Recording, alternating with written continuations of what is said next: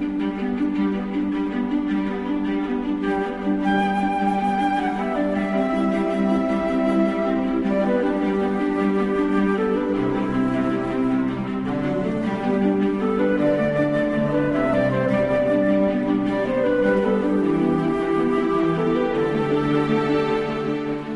I arribats a aquesta hora del matí, que és una hora entre intempestiva i plàcida, com sabeu, una hora a què per la gent que tot just està tornant cap a casa és intempestiva, efectivament, després d'haver fet una llarga nit eh, ociosa o potser laboral, i plàcida per aquells que ara tot just esteu llevant-vos, obrint un ull i dient, mira, encara tenim tot el diumenge per davant.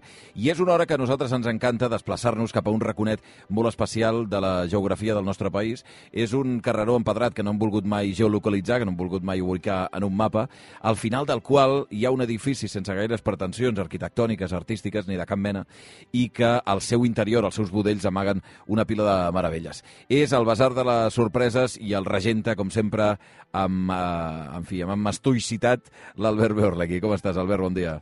Bon dia, Xavi. Què tal? Com va tot? Com vas amb les visites al gestor sobre el funcionament del basar? Ja saps que ell, eh, bueno, eh, no ho acaba d'entendre, això de l'obertura de mitja hora setmanal, no? No, no va Fatal. bé, no? Jo, pobre, la veritat, eh? Pobre home, és que els cabells, pena, eh? perquè és que cada vegada que ve aquí a, tancar, a fer números, que diu, anem a fer 8 i 9, és que, clar, és que no són 8 i 9, són 3 i 4, Sí, perquè és sí, que no sí, arriba sí. ni, ni als 8 i 9, Ai, i, la, i el pobre està... amb una... Jo, és que la, jo l'haig animat, i que "Tran- tranquil, no passa res, No passa escolta, res. jo he assumit, perquè hauria de ser al revés, no? Vull dir, Exacte. jo hauria d'estar mm, d'aquí- deprimit, eh, perquè, home, no ens enganyem, vull dir, uh, obrir en mitja horeta els diumenges de dos quarts de vuit a les vuit no és que sigui una oferta, allò de dir, No, no, massa extraordinària. és així. Uh, I jo sóc el que està animat. Jo dic, no passa res, home, tranquil, ja ho tenim assumit, això, però, noi, és que... És el seu encant, cara... li dius. Clar, I clar, és que... des de l'home dels números diu l'encant, encant, sí. mitja hora... Però què dius? Però què Oh. dius?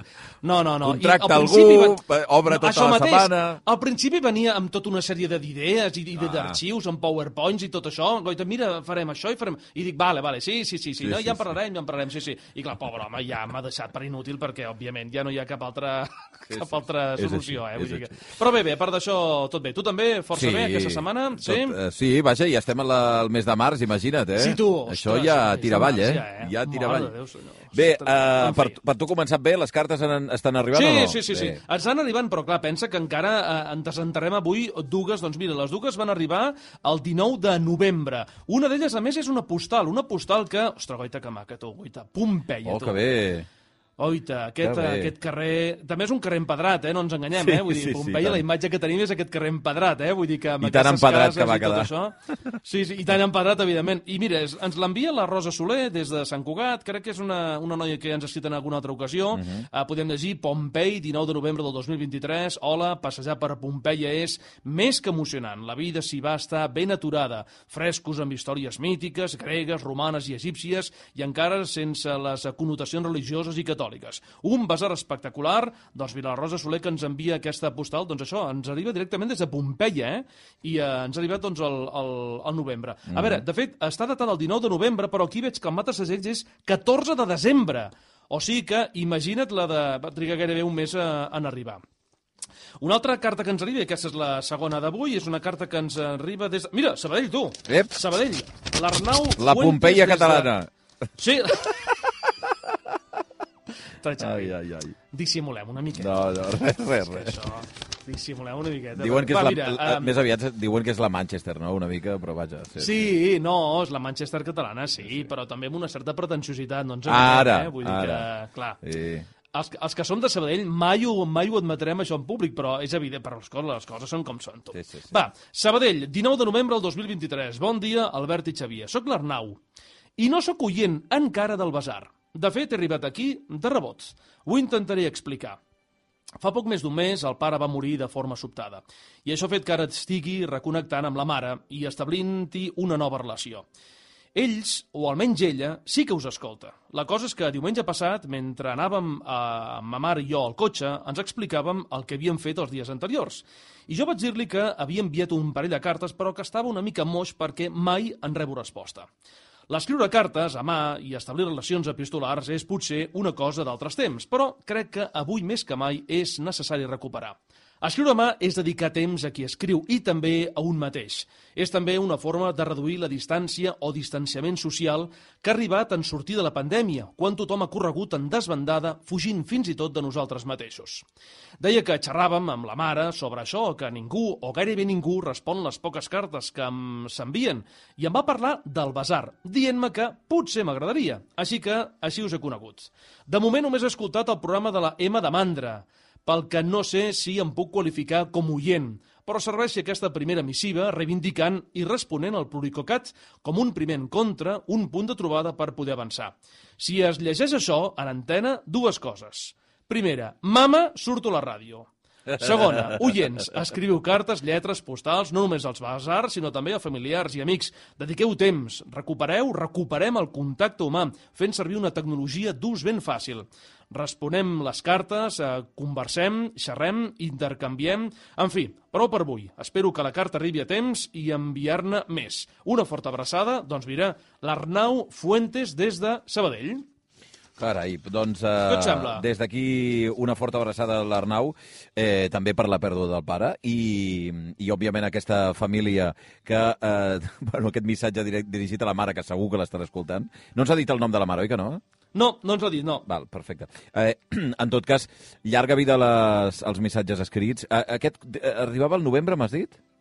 Sí, aquesta està datada el 19 de novembre, la, la carta, tot i que el, el matasegells no està, no està indicat, Ahà. però la carta està... Aquí posa, la, la portada posa 19 de novembre. Ha estat eh, tres mesos i mig esperant a arribar i, i, sí. i, sí, i des d'aquí tot, el, tot el carinyo, tota l'estima també per aquesta família i evidentment en aquesta, en aquesta aproximació mm, cap a la mare, no? que això és una cosa que també en determinats moments Sí. de la vida és important. I el, I el missatge cap a la gent d'enviar cartes eh, crec que és eh, fonamental. A veure si aconseguim entre tots que això torni a rotllar. Mira, l'altre dia fèiem secció amb la Llucia i el Zanon i parlàvem del fet d'escriure, que s'està perdent en tots els aspectes, uh -huh. ja no Mhm. només les cartes, i, ostres, seria bo, perquè jo crec que fer la prova, o sigui, ja no dic eh, envieu-les a la ràdio, envieu-la a algú, eh, eh, a veure què passa, perquè és, eh, l'efecte és extraordinari. O sigui, que algú rebi amb la il·lusió que significa això, una carta amb el teu puny i lletra, és una demostració de carinyo que ara mateix no es produeix. Bé, I és eh, curiós perquè, perdona, un sí, sí. últim apunt, eh? Eh, La conclusió és, sembla impossible o gairebé increïble que amb un esforç tan petit, tan aparentment petit, Sí, sí. com és agafar un paper una mica de res, quatre idees, eh? I enviar-les, posar un sobre un segell i enviar-les, a l'efecte que acaba produint. Totalment, totalment. Ja està. Bé, vosaltres podeu seguir escrivint cartes i així us ho agrairem al Via Lliure, al Basar de les Sorpreses, a l'Avinguda Diagonal número 477, planta número 15, codi postal 08036 de Barcelona i com sempre l'Albert es compromet a llegir-les totes per antena i llavors un cop fetes eh, doncs la respondrà personalment una per una el més aviat possible. Bé, va, que anem cap al Berlegui Express. Avui veig Sí, bandereta, és catalana. No, no és Ah, catalana. va. Ep! Sí, sí. Ost, a veure, ui, ui, ui, ui, A veure. ui, ui, ui, ui, hi ha les quatre... A veure, espera, què? espera, espera, espera. Quatre barres... Sí, és que, no, eh, perdoneu, és que eh, per qui no ho estigui veient, és una bandera que de lluny he vist que era la bandera catalana, però no. Uh -huh. Llavors, eh, com que té les quatre barres, ha de ser del que es podria conèixer com els països catalans, alguna de les regions Ah, o dels mhm. espais. No és València, que la tinc més clara, que és la, la franja blava. Eh, jo diria... Ui, no em vull equivocar, Albert, que això fa molta vergonya, no em vull equivocar. Va, Xavi, home, però si, és, Mira. si ets un crac amb això de les banderes... Ja, però, però, però, però, clar, com que de països és com més fàcil i aquí que és més a prop hauria d'haver un certat bé. No, que podria ser, saps, Rosselló, podria ser alguna co- cosa de la Catalunya Nord i tal, i no vull equivocar-me. Però jo diria, o fins Sí? i tot alguna zona de l'Aragó, però jo diria que aquesta zona... De, hi, ha, hi ha una franja dalt, eh, un, un requadre dalt a l'esquerra, que perquè la gent que no ho estigui veient és una mena de castell o un, Mhm. uh, una, sí, una Sí, una fortalesa, no? Sí. Uh -huh. i és d'un fons lila. Pot ser, no em vull equivocar, em fa molta vergonya, eh? pot ser que siguin les Balears? Bravo. Oh! Ai, ai, ai! M'he posat molt nerviós, Tens eh? xuleta o què? Tens xuleta aquí o no? No, veure, tinc res. Tens el Google no per aquí? res, No, oi? No tinc res. Ostres, Ai, és que sí, hi ha, sí, sí, hi ha anat sí. moltíssim, però no em volia equivocar. Val, és la bandera de les Balears, no? Doncs sí, sí, avui marxem a les Illes, a una bonica localitat turística del terme municipal de Capdepera, a la comarca del Llevant de Mallorca, anomenada Cala Rajada. Està a uns 80 quilòmetres de Palma, la seva població no arriba a 7.000 habitants, eh, diguem-ne, en aquesta època de l'any, tot i que suposo, evidentment, que l'estiu deu multiplicar per 1.000 les seves, eh, els seus habitants. I anem allí perquè fa pocs dies que s'ha dut a terme un descobriment arqueològic ben singular. Eh, què et sembla? Anem a donar una volta Sí, per allà? home, sisplau, m'encanta. Sí? Doncs apa, som-hi.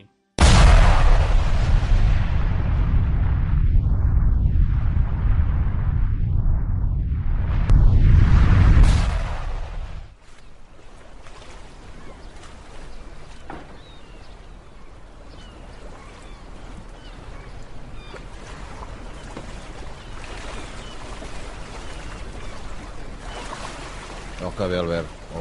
Sembla? oi, oi, oi, oi. Ara ho necessitava, això, eh? no, des d'aquí? Oh, per favor, que ens convidin, que ens convidin a fer-ho des de Mallorca, tu. És, és fantàstic. A veure, calor no en fa a aquesta hora, però, No. però s'està bé, prova. és molt agradable. Correcte, sí, sí, sí, sí. sí. On som, Mira, per cert? doncs mira, ens trobem en un lloc que fa uns quants dies va ser notícia. Eh, és el que el Consell de Mallorca i la Guàrdia Civil van recuperar dos canons Ah, d'un vaixell enfonsat entre els segles XVII i XVIII. Es tracta de dues peces de prop de 3 metres de llargada cadascuna d'elles, amb un pes d'una tona cada canó, que podien procedir d'una nau, la nacionalitat de la qual es pensa que podria ser francesa, neerlandesa o espanyola, i que es traslladaran, diguem al Museu de Mallorca, on seran estudiats per especialistes. Jo diria que la zona on van fer la immersió Ahà. és aquella zona d'allà, Val. però vaja, tampoc no, no t'ho sabiria. I- Eh? Però i- vaja, és aquí, és aquesta zona. Eh? representa que els han descobert ara en una immersió, eh? No, no, no, no, Ah. no, no. Això que, això que feia anys que se sabia que hi havia uns canons Ahà. que a més es- eren força visibles perquè estaven, diguem-ne, en un banc de sorra, però clar, què passa? Uh, de dir, bueno, els hem de recuperar, que si paperasses, que si Sí, instàncies, que si tràmits, el- que si la burocràcia, no sé què, total, que uh, ha anat d'un trist que algú no se'ls emportés, que és el que podia passar, no? I a més, el més interessant és que l'estat dels canons és força bo, tot i que quan els van treure del mar tenien aqu aquesta idea iconogràfica d'un munt d'incrustacions que encara eh, bé, li afegeixen una pàtina eh, de pertany a altres temps, a altres èpoques, gairebé a altres mons, no? Eh, Si ho pensem, el mar acostuma a ser un lloc on s'ha dut a terme eh, grans descobriments. I si el material enfonsat, mm, diguem que és resistent a l'aigua, les sorpreses poden ser majúscules. Avui dedicarem un nou basar de les sorpreses, el que farà el número 341, a aquesta nova troballa arqueològica que té més història de la que podria semblar en un principi. Avui, doncs, la lletra C. La C de canó.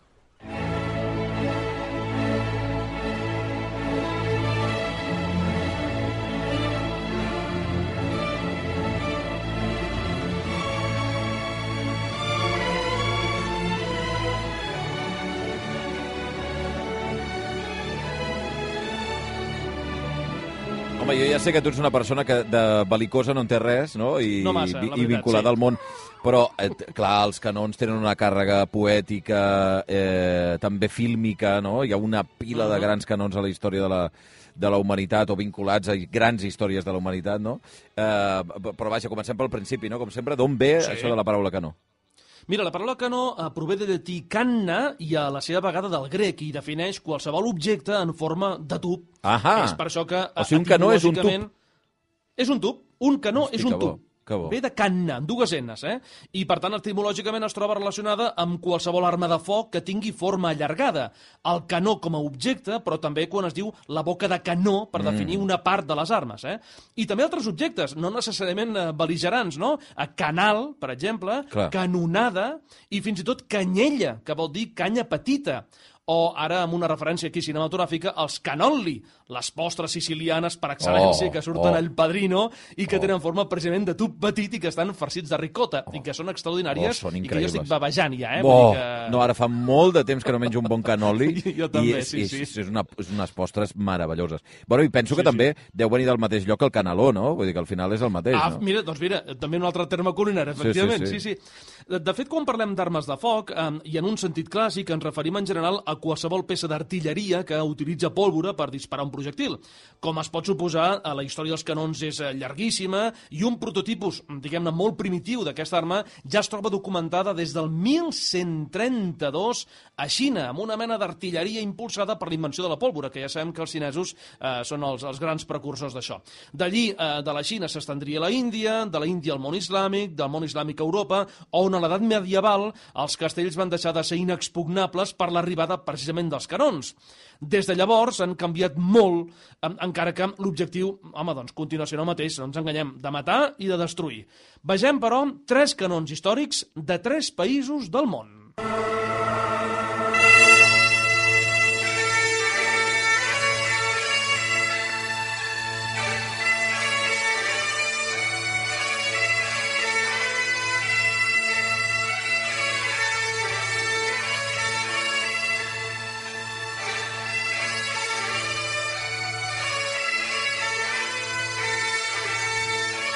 Quina prestança, eh? Quina energia. Home, en noto el vent a la cara d'aquests cliffs, no? Uh, avui on anem exactament de, de la zona escocesa? Doncs mira, ja la música ja ens hi porta, ens anem al castell d'Edimburg oh. eh, i per veure un dels canons més antics que es conserven a Europa. Es tracta d'un forjat a l'any del senyor del 1449 i que va ser un regal de Felip, duc de Borgonya, a Jacob II d'Escòcia. El canó va ser construït per un tal Moses McKim que va batejar el canó amb el nom de Mec, Mec en honor a la seva esposa, que segons diu la llegenda popular, jo que era molt rondinaire, i que quan cridava ho feia com si retombessin els, uh, els canons. Uh, aquest medeix 5 metres, uh, pesa 6 tones i mitja i les seves bales 175 quilos. Va Perdona, participar eh, en accions ho he militars... deixat, Perdona, ho he deixat passar, però em sembla d'un masclista sí. Increïble. No, i clar, eh? però o clar, sigui, eh, posar-li el sí. nom de canó a la dona perquè Sí. es queixa tot el dia, perquè molesta no, el so, perquè és la molèstia del so, em sembla d'una...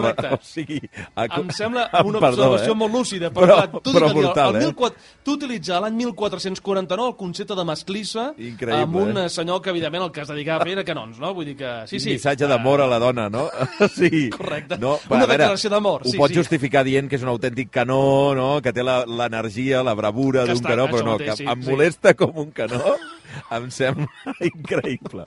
Bueno, va, seguim, seguim, perdona. Va, Ah, el cas Deies és que que fa aquest 5 canó metres i pesa quant? Sí, 6 tones i mitja. Una barbaritat.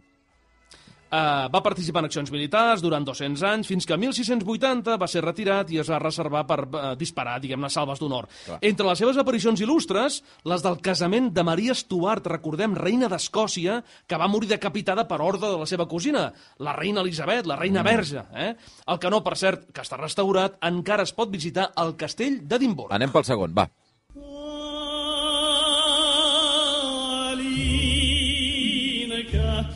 Kalinka, Kalinka Maya, Santu Yaga Malinka, Malinka Maya.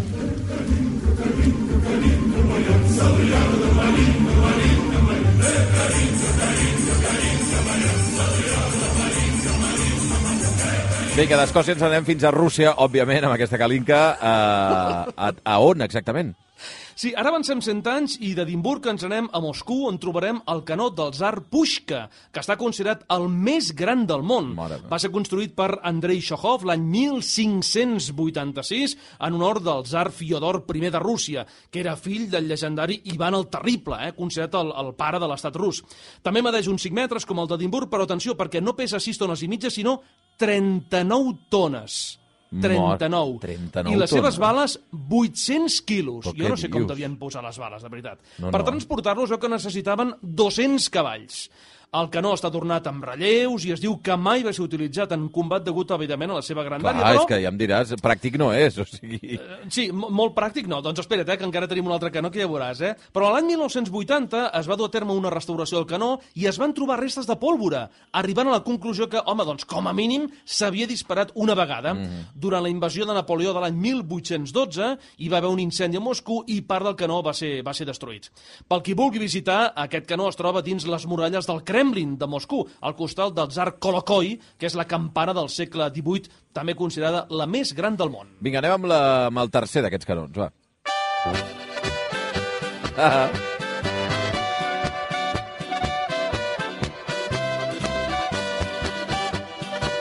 D'Escòcia a Rússia i de Rússia a l'Oktoberfest. Correcte, sí. Més o menys, eh? No austríac, sinó alemany, eh? Uh, I a veure, i ja sé que la música pot donar peu a una certa frivolitat, però no ho és gens, perquè ens anem a la Segona Guerra Mundial Ah, ui. per conèixer el que s'ha considerat el canó més gran mai construït, que és la Schwere Gustav. En realitat, a veure, uh, més que un canó, era una peça d'artilleria que necessitava, atenció, és que els alemanys, quan s'hi posen, s'hi posen de veritat. Aquesta peça d'artilleria necessitava 25 vagons de trens per desplaçar-se. Però què dius, Tot home? El canó, la plataforma i el tren pesava 1.350 tones. Una barbaritat, home. El canó media 32 metres i podia disparar projectils de 7 tones a una distància de 40 quilòmetres. Però clar, què va passar? Que degut al seu tamany i a la seva enorme complexitat va ser utilitzat molt poques vegades i va tenir una vida ben curta. Aquest immens eh, canó, que devia estar mesos de, eh, en preparació i elaborant-se, només va eh, tenir una vida de 13 dies. 13 dies? 13 dies. I va ser destruït per al propi exèrcit alemany l'any 45 abans que caigués, evidentment, Ah. en mans dels aliats. Que van pensar abans que el tinguin els altres. desastre... Ja. Uf. Sí, sí, sí. No, però és que a vegades és aquesta cosa del, de voler fer el canó cada cop més gran, Sí. quan la, llavors la dificultat és utilitzar-lo, no? Ah, Eh, evidentment. Segur que té un poder destructiu enorme, eh? però vaja, Sí, sí, sí, si, si necessites aixecar una bala de... Quan? És la d'aquí? De, de, les, La bala de 7 tones. de 7 tones, eh, clar. Set eh, tones. que ja és el pes de, de màxim de molts dels canons, home, ja és difícil. És difícil Ja, si de moure. cas, ja deixem-ho córrer. Eh? Ai, senyor. Va, I no ens movem, no ens movem d'Alemanya per conèixer un personatge que, eh, ja de la vessant, diguem-ne, d'una vessant ja molt més, eh, no tan bèl·lica, eh? Mhm. però que era precisament, o és precisament famós per volar amb una bola de canó. Estem parlant de Ah. el baró de Munchausen.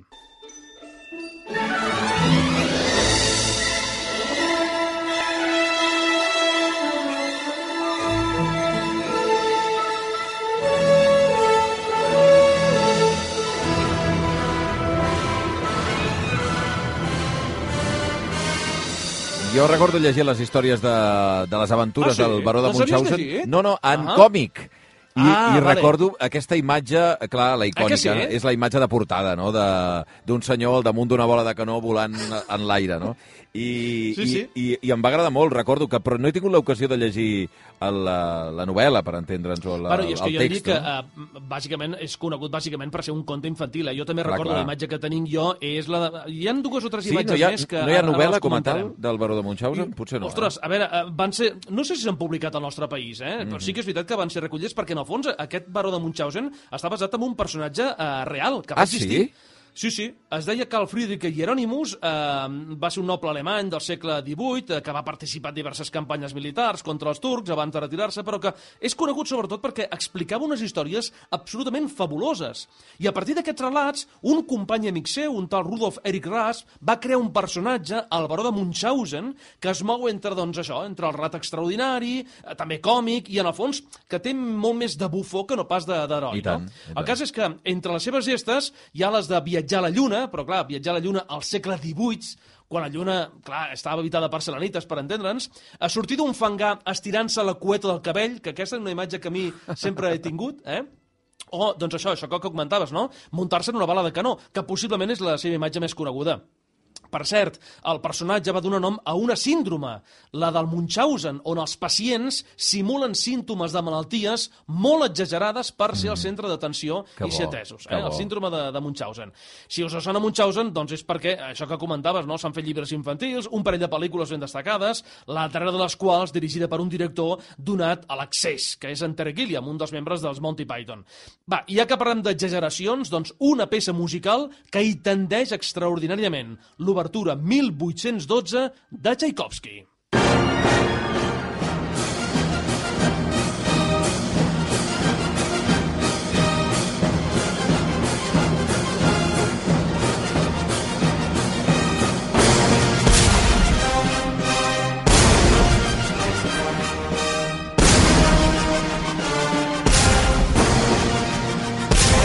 Estan fent? Però què estan fent? Això són canonades? Són cano sí, són canons de veritat. Però sí, què sí. feu, bojos? Pareu! Espera, espera, Però que estan més. sonats!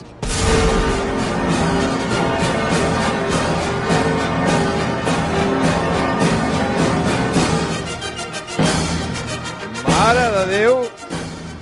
Però que és que m'he hagut de xupir tot? Però què fas, Tchaikovsky? Espera, deixa que acabi, deixa que acabi.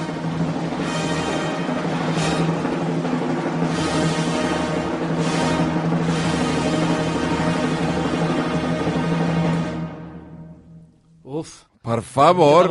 Eh? Però des de quan és una... Perdona, des de quan els, els canons són, són, eh, són d'això musicals, són instruments? Bueno, perquè, Però per no, favor. Mira, perquè així ho va pensar Oh. el senyor Tchaikovsky. De fet, és una peça que és una de Oh. les seves més populars, eh? però a la vegada una de les que ell més detestava. Eh?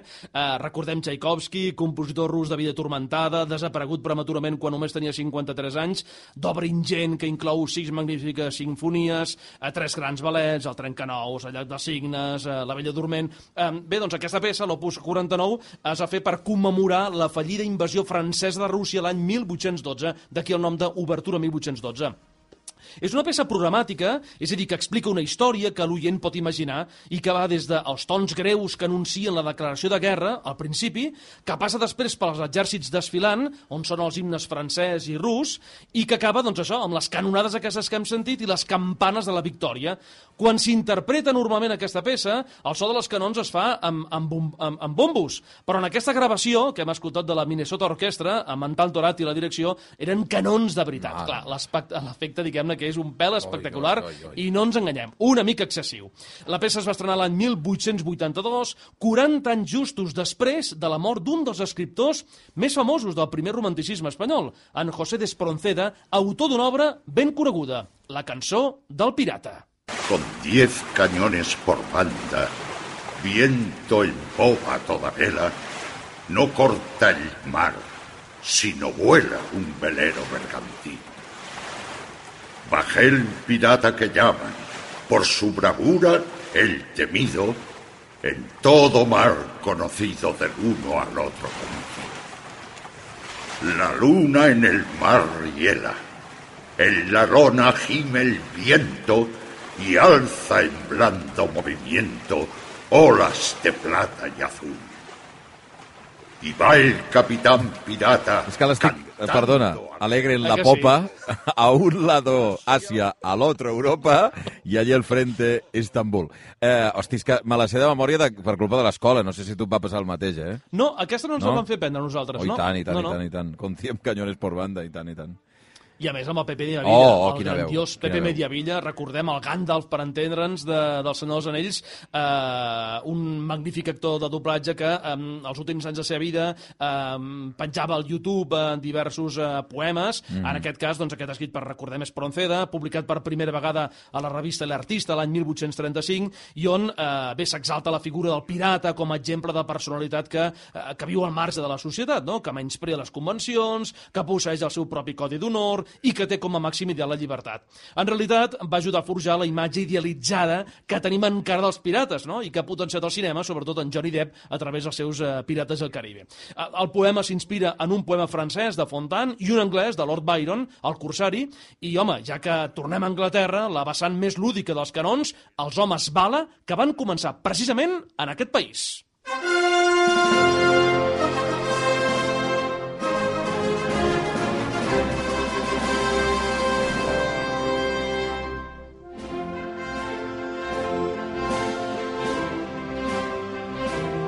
Professió de risc i que se n'ha parlat molt, eh? I que ha sigut Sí. un símbol de moltes coses, eh? Ara podria jo dir que no se'n veuen masses, eh? però en el seu moment no. van gaudir d'una gran popularitat. La idea era posar doncs això, una persona dins una mena de canó que es propulsava a través d'aire comprimit i que com més lluny anava, evidentment, doncs més impressió causava. El primer home bala va ser en realitat una dona, Rosa Matilde Richter, una cantant, actriu, ballarina i empresari de circ que va debutar en aquesta atracció quan només tenia 14 anys, el 1877, amb el nom de Zazel, la formosa bala de canó humana. I la distància recorreguda varia, home, doncs segons les fonts. Unes apunten que van ser 6 metres, que la cosa queda una mica justa, no ens enganyem, i d'altres 20, que la cosa ja queda, diguem-ne, com més bé. L'actual rècord mundial es troba en 56 metres. Eh? Eh, Els homes bala els hem vist moltes vegades al cinema. Possiblement una de les pel·lícules referents és una dels germans Marx, Una tarda en el circo, crec recordar que es deia. I ja que estem en cinema, doncs va, acabem amb els canons més famosos que s'han vist en una pantalla de cinema, els de Navarone.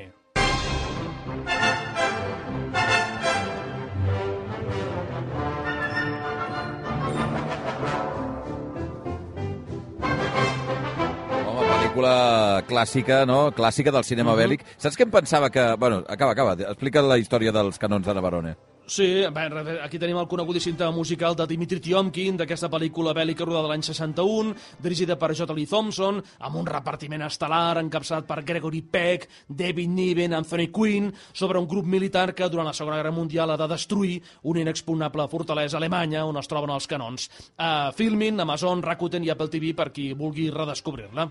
Eh, no, et deia que anava... eh, Saps que em pensava que faries una referència a una, de, a una pel·lícula, em sembla, bastant predilecta per tu, eh, que, que és Mary Poppins. A Mary Poppins Ostres, apareix l'almirante Boom, Ten oi? Que és aquest senyor que viu a la casa del Sí. costat dels... Sí. Com es diuen, a la família de... Els, els bancs. Els bancs, els bancs. Sí. I que eh, dispara des de, des de la seva... Bueno, des de l'alçada de l'edifici en forma de vaixell. I que, per cert, aquesta setmana Mary Poppins ha sigut notícia, no sé si ho saps, perquè No. el que diu precisament el capitán Bloom, Sí. que diu, ha seguido a luchar contra los otentotes... Ah, sí, sí, los otentotes, paraula, és veritat. Els otentotes es veu que, bueno, pot traumatitzar segons quina... Segons quina...